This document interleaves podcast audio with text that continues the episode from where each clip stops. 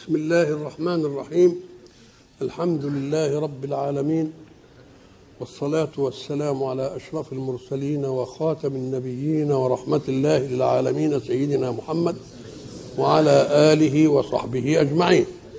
وبعد فقد وقفنا في اللقاء السابق عند قول الحق سبحانه إنما أعوذ بالله من الشيطان الرجيم. إنما يؤمن بآياتنا الذين إذا ذكروا بها وعرفنا الجواب في أنهم يخرون سجدا. ومعنى خروا سجدا لكنها عملية إيه؟ ملهاش تفكير. ولذلك هناك سبحانه فخر عليهم السقف من إيه؟ من فوقهم وكل سجود في القرآن يأتي إيه؟ سجد. خروا خروا خروا. دليل على أنها إيه؟ عملية. أصبحت ملكة وآلية في المؤمن. وبعد ذلك حين يكررها يقول لك إلى الاذقان يأكدها. ليه؟ لأن السجود يبقى فيه سجود معرس وفيه سجود متمكن في الذلة. ياخد ال ياخد الإيه؟ الدقن دي. مش مثلا زي يسجد على دي كده وتسيب دي. لا إحنا عندنا سجود ممكن على سبعة إيه؟ على سبعة أعضاء. وما فيش خرة إلا في خرة راكعا لسيدنا مين. آه سيدنا داود وظن داود أنما إيه؟ فتناه فخر راكعا وإيه؟ آه وخر راكعا. وخر راكعا وإيه؟ وأناب. يبقى اذا كلمة خر دي دائما في الإيه؟ في السجود. ويخرون للاذقان يبكون. وبعد ذلك قال إيه؟ ويزيدهم خشوعا. كل ما يعجبوا ذله زيادة يزداد خشوع. فكأنهم عشقوا التكليف. واحبوا أن يفعلوا ما يريده الله. ولذلك بالغوا فيه مبالغة في ذل الإيه؟ في ذل العبودية. ولذلك يقول لك أقرب ما يكون العبد من ربه وهو إيه؟ لأن الوجه هو الذي به الإيه؟ اللي به التعالي. فبيجي في الإيه؟ في الأرض. تتجافى جنوبهم عن المضاجع. تتجافى جنوبهم عن المضاجع يدعون ربهم خوفا وطمعا ومما رزقناهم ينفقون. كلمة ومما رزقناهم ينفقون تدل على أن تتجافى جنوبهم عن المضاجع كانت لقصد الصلاة لأن عادة الزكاة لما تيجي تيجي وياها إيه؟ تيجي وياها الصلاة. كلمة تتجافى يعني تترك والترك والترك قد يكون معه شوق. زي ما تودع حبيبك وانت بتتركه كده وبتاع ما انتش زهدان فيه زعلان. لك تتجافى جنوبهم عن المضاجع ولكن الجفوة يبقى فيها كراهية. يبقى فيه وداع وفيه إيه؟ وفيه جفوة. الجفوة انت تاركها تشفي نفسك من حاجة. لكن الوداع يمكن تودع من تحب ما يبقاش فيه جفوة ما يبقاش. ولذلك سيدنا الإمام علي رضي الله عنه وكرمه الله وجهه حينما ذهب ليدفن فاطمة بنت محمد عليه والسلام شوفوا إزاي انصرف عن القبر. بيخاطب سيدنا رسول الله.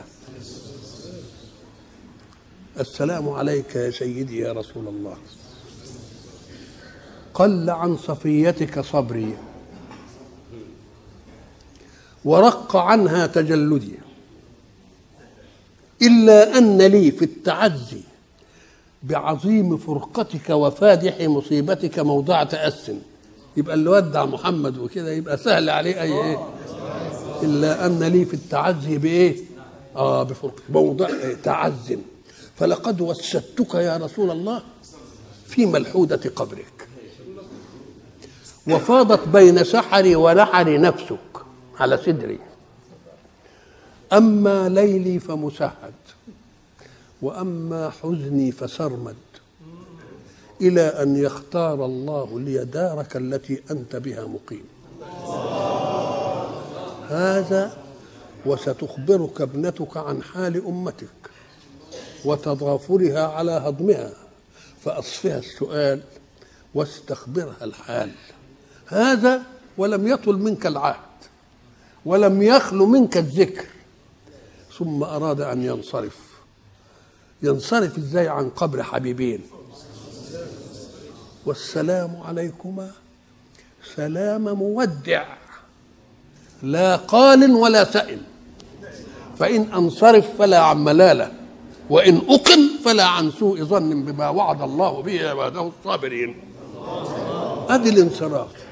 كلمة تتجافى بقى تكره المضجع تكفوه ليه؟ لأنها راحة لمين؟ راحة لله.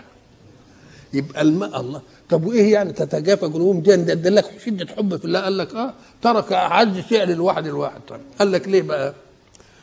امسك كده الإنسان. الإنسان حين تدب فيه الحياة ويستطيع أن يكون له قوة ونشاط يعمل في الحياة. العمل في الحياة ده فرع وجود الحياة. خلاص. الحياة موجودة يبقى العمل فرع إيه؟ قوة بقى عايزين قوة. يقوم يجي يمشي. مرة المشي ده يضطر يحمل حاجة.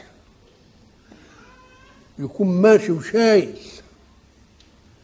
يقوم يتعب. عشان يرتاح يعمل إيه؟ يحط الحمل ويمشي كده من غير حمل. يبقى الحمل كان مثقله ولا لأ؟ وتعب يرمي الحمل ويمشي. طب تعب من المشي. يعمل إيه؟ يقعد يرتاح شوية. لأ لأ مرحلة تانية قبل كده. تعب يقف. الله ياخد بيدك.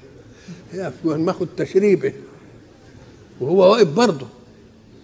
تعب من الوقفة. يقعد إيه الحكاية دي كلها؟ قال لك لأنه هو حي وعنده طاقة. الطاقة يا دوب تمشيه. ما يشتلش كمان. ولذلك واحد يقول له خدوا النبي شيل الشيلة دي إحنا في الفلاحين. يقول له يا شيخ أنا قادر أشيل نفسي. مش بيحصل كده؟ يقوم إيه يقف. يقف ليه؟ بيريح نفسه. هي الراحة من ثقل جسمه ولا من ثقل جسمه مع الحركة؟ آه. يقوم يقطع الحركة دي ويفضل ثقل جسمه ثقل جسمه يعني إيه؟ جسمه الطويل ده محمول على قدمين صغننين. يبقى الثقل كله على إيه؟ على القدمين. يتعب من الوقفة. يقوم يعمل إيه؟ لا قبل كده يعمل إيه؟ يبدل نعم ده انت تجربها حتى في الصلاة. لما تكون عايز تطول الصلاة شوية وتقف بقى كده وبعدين تتعب تريح على دي شوية وده على دي شوية. يبقى اسمه يبدل. طب برضه تعب. يقول لا ده الحكاية بقى يقعد. ليه؟ إيه القعاد؟ جاب له إيه؟ قال له آه القعاد وسع دائرة العضو المحتمل. لأن العضو المحتمل كانوا القدمين بس. لما قعد إيه اللي حصل؟ المقعدة كلها بقت قاعدة هتبقى ارتاح شوية. طب تعب من القعدة. يروح ممدد كده على إيه؟ يمدد على جنبه. ليه بيرتاح قوي كده؟ أم قال لك لأن الثقل بقى عرضي مش طولي لأن رجله دي هتستاخد اللي بس كده كل حتة هتاخد اللي قبلها بس يبقى يرتاح ولا ما يرتاحش؟ آه.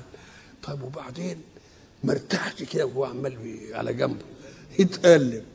عشان يوزع التعب على ظهره مرة وعلى الجنب الثاني مرة يتقلب. مش كده ولا لا؟ ده اللي بيحصل. طب إمتى بقى يرتاح الراحة اللي هي؟ إن راح في النوم. ينام الله. تبقى المسألة مسلسلة. اسمها متواليات. متواليات عضلية. الأول كان ماشي وشايل تعب رمى الشيلة ومشي بس. ما قدرش يمشي لأن المشي عايز طاقة. لرجليه تنقل كده وبتاع والجسم من شال يقف. تعب من الوقفة يبدل. تعب من التبديل يقعد. تعب من القعد من من القعد إيه ينام. ولذلك إحنا نقولها كده. نقول له إيه؟ لما ي... في مرحلة نسيناها لما يكون قاعد واحد كده ولاقيه عمال يتمل كده يقول له يا شيخ مد رجليك عشان ترتاح شوية. مد رجليك كده. ليه؟ نص جسمه بقى على ال... والقعدة مش شايلة من النص بس الواحد وبعدين يقول له يا شيخ ما تقوم تريح العظمتين وتنام شوية كده. الله ادي آخر مرحلة. آخر مرحلة في اليقظة اللي هي إيه؟ المضاجع. المضاجع دي ما جاتش إلا بعد التعب اللي قلناه والمراحل دي. ومع ذلك شوقهم إلى الوقفة بين يدي الله ينسيهم هذه الراحة ويقوموا ويكفوها ويقفوا بين يدي الله يصلون كانوا قليلا من الليل ما يهجعون خلاص كده تتجافى جنوبهم عن الإيه؟ عن المضاجع. يدعون ربهم. طب أنت قمت من الحاجة اللي كانت ضرورية ليك آخر مرحلة في التعب. قام يدعو مين؟ ربه. مجرد الدعاء لله يريحه. لسه ما جاوبوش. ليه؟ لأنه وضع طلبه عند قادر على الإنفاذ. وحلاوة لقائه بربه في الصلاة خلته ينسى إنه إيه؟ إنه ينسى إنه كان تعبان. طب إذا المتوالية دي لما ينام ما يشعرش بحاجة ابدا. بدليل إن الإنسان يبقى فيه أي مرض وهو صاحي يقول آه وآه ويقعد يجعر بمجرد ما يغفل ما يجدش. نقوم نقول ما دام المتواليات ماشية ماشية ماشية كده يبقى لو مات بقى يبقى يرتاح أكتر. ولو بعث بعد الموت إن كان مؤمن يرتاح أكتر وأكتر. إذا المراحل كلها إلى أن نرتمي في حضن خالقنا.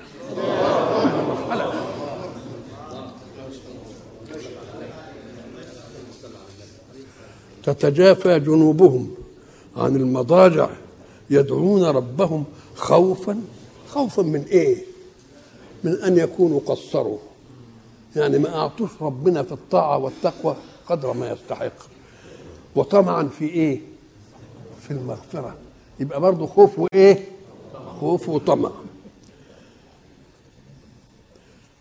ومما رزقناهم ينفقون.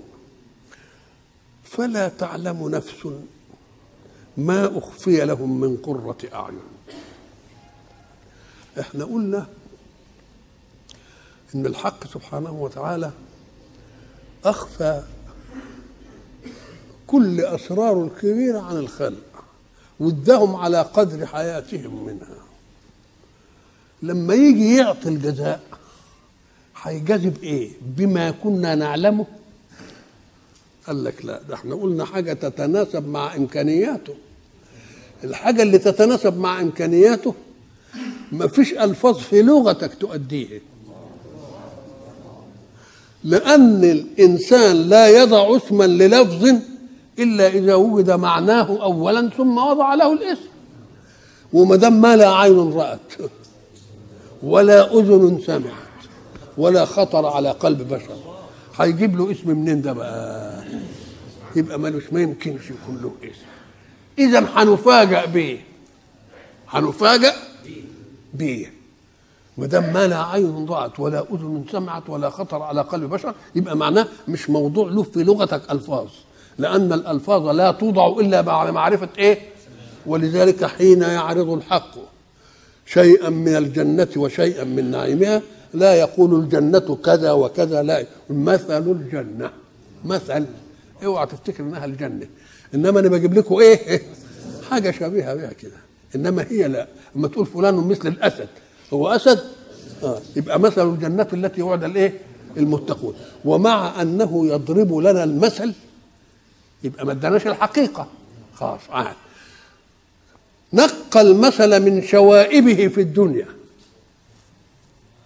لأن مثلا كان العربي عنده اللبن يشربه ولما يكون ماشي في صحراء ولا بتاع يخزن اللبن وبعدين اللبن يبقى حامض يحمض منه. يقوم يعاف يقوم يقول مثل الجنة التي وعد المتقون فيها أنهار من إيه؟ أولا من ماء غير آسن مش معطر آفة مائهم في الجزرة كانوا يعملوا حوض كده وتنزل فيه المية وبعدين يتغير إنما ما فيش إلا هو يشربوا وأنهار من لبن لم يتغير طعمه. يبقى جاب المثل ونقى المثل مما يشبهه. وأنهار من خمر بس لذة للشاربين. نقاها من عيبها في الدنيا. لأن خمر الدنيا إيه؟ هي خمر الدنيا لذة؟ لا.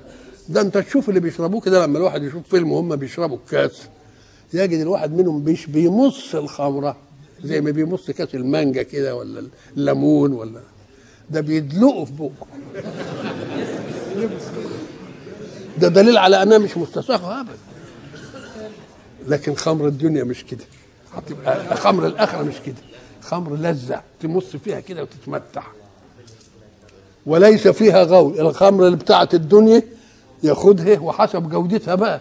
إن كانت سيبرته مش عارف إيه يقعد يهبل من أول جرعة. كانت يعني نوع يعني بتاع الأعيان بقى يقعد له نص ساعة ولا حاجة وبعدين يهبل بتغتال عقله. إنما دي ما فيهاش غول ما فيهاش. يبقى برضه بيدي مثل مش الحقيقة. مثل. ومع ذلك ينقي المثل إيه؟ من من من الشوائب بتاعته. وأنهار من خمر لذة إيه؟ للشرب. وأنهار من عسل مصفى. لأن آفة العسل كان يمها إن العسل ده يجي من بيوت الجبال. ويجي فيه حصى وفيه رمل ومش عارف إيه وبتاع وحاجات زي دي النحل بيروح للسرديبويه إنما ده عسل إيه؟ مصفى. وما دام قال أنهار شوف بقى أنهار من عسل مصفى مهما بلغنا في طرف الدنيا ونعيمها وإمكانيتها عمرنا ما هنشوف بحر فيه عسل مصفى. ابدا. وخصوصا بقى لما تيجي السنة تبين. اوعى تفتكر إن الأنهار دي لها شواطئ. ده الأنهار ماشية ويا بعضها ومتداخلة كده ولا يطغى بحر على بحر. قال العسل ماشي ويا الخمر وماشي مش عارف إيه وده وايه من غير شواطئ ها؟ وما فيش نهر يطغى على الثاني قال إيه الحكاية دي؟ يبقى مسألة إيه؟ بتاع القدرة بقى طلاقة القدرة التي لا حدود إيه؟ يبقى اذا كلمة جنة ما يمكنش يجي لنا حاجة تشرح لنا الجنة. ليه؟ لأن ما فيش عندنا في لغتنا ألفاظ تؤدي لأن لا عين رأت ولا أذن سمعت ولا خطر على قلب بشر والأشياء لا بد أن تعلم قبل أن تسمى. يقوم يدي لنا مثل والمثل ينقيه من مين؟ ولذلك يجي مثلا كان العربي لما يشوف شجرة النبق دي السدر يا سلام يأكل النبق بتاعه ويقعد في ظله بس افتها كانت إيه؟ الشوك. يجي يمد إيده كده عشان ياخد بتاع برتوم يتجرح لازم يتجرح. نقول له الشيخ دي هو اللي حمالك الثمرة من الفئران والدواب كانت طلعت وكلتها يبقى هو عاملها لك عشان يصون لك الثمرة. انت بقى تحتاط ولذلك إيه؟ صدر مخضوض. مخضوض يعني إيه؟ يعني ما فيش شوك. الشوك اللي كان بيتعبكم في الدنيا دي القصة الله. يبقى اذا يأتي بمثل لا بالحقيقة ومع أنه يأتي بالمثل يجرد الشيء من شوائبه التي توجد في الإيه؟ في الدنيا. وبعدين يجي بقى المتعة الثانية الحور. يقول لك اللي يشاء بقى سواء انت عايز تتجوز بنت بكر بقى ما حدش جه ناحيتها ودي ما تبقاش مضمونة 100% يعني. مش كده ولا إيه؟ أم قال لك إيه لم يطمسهن إنس ولا جان ولا حد جه ناحيتها شوف التطمين. حتى برضه خلع الشيء اللي ينغص على الإنسان جمال المرأة. يمكن يفتكر إن حد بص لها ولا حاجة ولا بتاع يجي في الجنة يقول لك لا. فلا تعلم نفس ما أخفي لهم من قرة أعين. قرة القرة والقرور السكون. ومنه قر في المكان. مش كده؟ واستقر في المكان. طب يبقى قرة عين يعني إيه؟ أم قال لك الإنسان لا يستقر في مكان يعني يعمله وطن إلا إذا ارتاح له ووجد فيه مقومات الحياة الكاملة. ولذلك لما يجي يقول لك عمالين فوق مثلا أو أو أو في في مكان كذا تقول المرافق موجودة المية والنور والمش عارف ودكاكين التجارة ومسجد المرافق. يبقى عايز ما تمكنش تستخدم وطن إلا إذا كانت فيه إيه؟ مقومات راحتك. خلاص كده يبقى تستقر فيه. تستقر فيه. يبقى مثلا قرة عيون يعني إيه؟ استقرار عيون سكون عيون. طب ودي تيجي إزاي؟ أم قال لك إحنا في تعبيراتنا في الريف أو في اللغة العامية اللي حامله إلينا إلى الآن خصائص الفطرة النقية اللي ما شابتهاش إيه؟ زيف الحضارات ولا زخرفة المدينة فطرية كده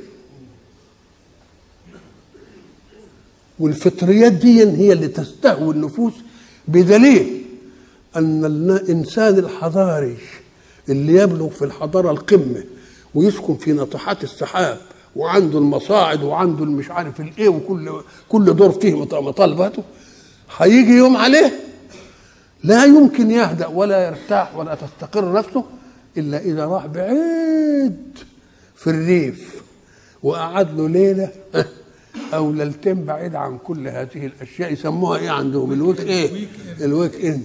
يروح يرتاح كده. وما, يمكنش ياخد حاجة حضر يعني الكهرباء لا.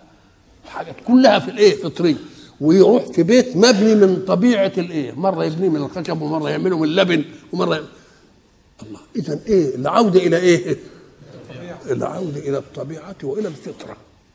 يبقى هي دي اللي إيه اللي, اللي ممكن الإنسان يستريح إيه يستريح فيه تقوم لما تيجي بقى نقول قرة عيون قرة عيون يعني استقرت العيون على شيء. ولا تستقر العيون على شيء إلا إذا كان هذا الشيء قد أعجبها وأدى لها كل متعة يمكن أن تكون في الغير فلا تتحول عينه إلى شيء آخر. ولذلك إحنا نقول في الريف إيه؟ ده فلان ده عينه مليانة. معنى إيه عينه مليانة؟ يعني مش عايزة مزيد من المرائي الزيادة اللي عنده. واللي عينه فارغة بقى وفلان عينه فارغة. مش كده عمال بيقول يبقى قرة عيون يعني إيه؟ يعني تثبت عيون. ونقول فلان لم تعد له تطلعات. ليه ما عندوش تطلعات؟ لأنه وصل إلى أعلى حاجة. هيتطلع إلى إيه بقى؟ ها؟ ومعان كملت لا نبتغي لك فيها زائدا إلا الدوام ما فيش أحسن من كده بقى. يبقى قرت ولا لا؟ ولذلك يقول الله لرسوله صلى الله عليه وسلم لا تمدن عينيك إلى ما متعنا به أزواجا منهم ما تنخيلش. ما إيه؟ ما إيه؟ التاني بقى اللي مش مستقر عينه وساكنه يبقى مخيول. شوف دي يبص ويبص لده ويبص لده ليه؟ لسه عينه فارغة. إنما لو عينه ملانه ينتهي عندها. يبقى قرة عيون معنى وأيضا فيه معنى آخر وقر بمعنى إيه؟ من القر. القر اللي هو البرد.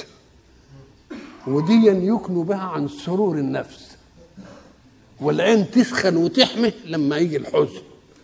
ولذلك المرأة لما دخلت على الخليفة وقالت له أقر الله عينك وأتم عليك نعمتك. قاموا فهموا إنها إيه؟ دعت ولما خرج قال والله ما فهمت هي تقصد إيه. ده قالت أقر الله عينك يعني أسكنها فلا تتحرك. خدها من الناحية الثانية من القرة بمعنى الإيه؟ السكون. وأتم عليك نعمتك لأن النعمة إذا تمت زالت. إذا تمت إيه؟ ولذلك الشاعر لما يجي يمدح واحد يقول له يا أخي الناس برقوا ليك وفتحوا عيونهم عليك وهيحسدوك مش لاقيين فيك خصلة وحشة ابدا فما تعمل خصلة وحشة كده عشان ترد الإيه ترد عنك العين شخص الأنام إلى كمالك فاستعذ من شر أعينهم بعيب واحد يعمل ولذلك إحنا في الفلاحين لما يكون ولد شكله وسيم يعملوا فيه إيه؟ يجيبوا له فسوخة سودة يسيبوه مبربر يخلوه يحطوا إيده كده ويخلوا مثلا عورته باينة وموسخين وقال عشان إيه؟ عشان ما إيه؟ ما ما ما, ما ينحسدش آه فلا تعلم نفس ما أخفي لهم. إيه؟ من قرة أعين. شوف بقى يا سيدي. الحتة اللي العلماء بقى عملوا فيها إيه؟ معركة. بس معركة الأحباء. جزاء بما كانوا يعملون. يعني أخفي لهم ما أخفي من قرة الأعين لأننا بنجزيهم على إيه؟ على اللي فعلوه. فقالوا يا أخي الآية دي ما تتناقضش مع قول الرسول لن يدخل أحدكم الجنة بعمله. ما هي جزاء؟ امال ندخل الجنة بفضله. ولذلك يقول الحق قل بفضل الله وبرحمته. وبذلك فليفرحوا فبذلك. فليفرحوا هو خير مما يجمعون. يبقى بالفضل. فقال لك إزاي بقى؟ هي بالعدل بقى جزاء العمل ولا بالفضل من الله؟ عايزين يوحدوا بقى. في الواقع المعركة سخنت قوي. وبعدين قالوا أن الله سبحانه وتعالى سبق المكلف بالإحسان. فخلق له قبل أن يوجده. خلق الشمس والقمر والأرض والهواء والمية قبل ما يجي. خلاص. وإلى أن يكلف سابه يرتع في نعم الله بدون تكليف. فإذا كلفه يبقى لما يكلفه يجب إننا نقول ده التكليف ده هو العمل اللي بإذن الله ده هو بتكليف الله. ده جزاء على الإحسان الأولاني اللي عمله.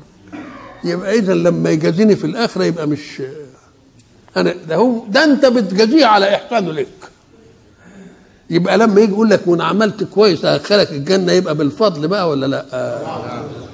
يبقى ده بالفضل. ليه؟ لأنك أنت أحسن إليك قبل أن تكلف. ولما أحسن إليك قبل أن تكلف كلفك الله. فلما ربنا كلفك يبقى هو سبق بالإحسان. يبقى انت لما بتيجي اكنك بتجازي ربك اطاعته على انه قدم لك الاحسان يبقى لما يقول لك أنا اقعدك في جنة واعمل لك كده يبقى دي من الفضل ولا لا؟ من الفضل. طيب يا سيدي قال لك طب فإذا كان الله قال أنا متفضل عليك بما خلقته لك قبل قبل التكليف ده من فضلي وبعدين هكلفك وبعدين اديك الجنة جزاء على فعلك انت وإحسانك للتكليف. يبقى فيه فضل في الأول. فإما الفضل يكون في الأول وإما يكون في إيه؟ في الثاني. فإن كنت انت ساعة ما تكلف بتؤدي لله ضد إحسانه عليك يبقى فضله في الآخرة عليك جزاؤه في الآخرة عليك ده مجرد فضل بقى من الله. لأن انت يا دوب أديت اللي عليك. طيب وإن كان الله قد تطوع كده بالفضل ولا حسبوش. قال لك ده بلاش وده خالص. يبقى تركه إحسان الأول ده فضل.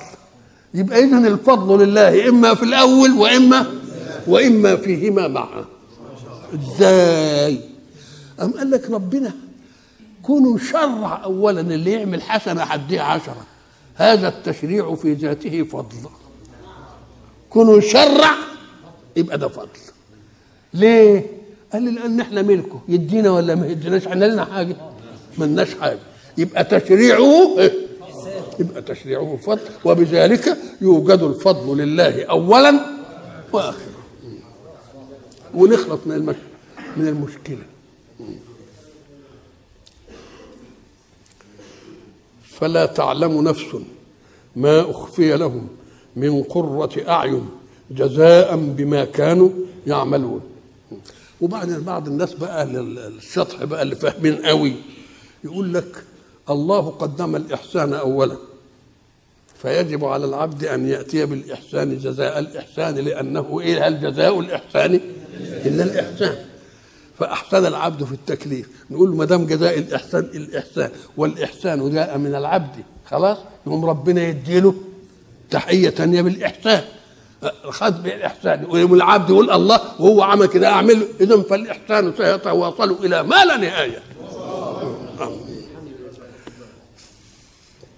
فلا تعلم نفس ما أخفي لهم من قرة أعين جزاء بما كانوا يعملون. أفمن كان مؤمنا كمن كان فاسقا لا يستوون. أفمن كان مؤمنا أدي مفرد. كمن كان فاسقا ادي مفرد. كان القياس اللغوي يقول إيه؟ لا يستويان. إنما هو قال لا إيه؟ إحنا قلنا النمان فيها للمفرد وفيها للمفردة وفيها للمثنى المذكر وفيها للمثنى المؤنث وفيها لجماعة الذكور وفيها لجماعة الإناث. فمرة يراعى فيها اللفظ ومرة يراعى فيها الإيه؟ طيب أما أفمن كان مؤمنا هو بيتكلم في واحد بس ولا في كل الناس إن كانوا مؤمنين؟ وإلى لقاء آخر إن شاء الله.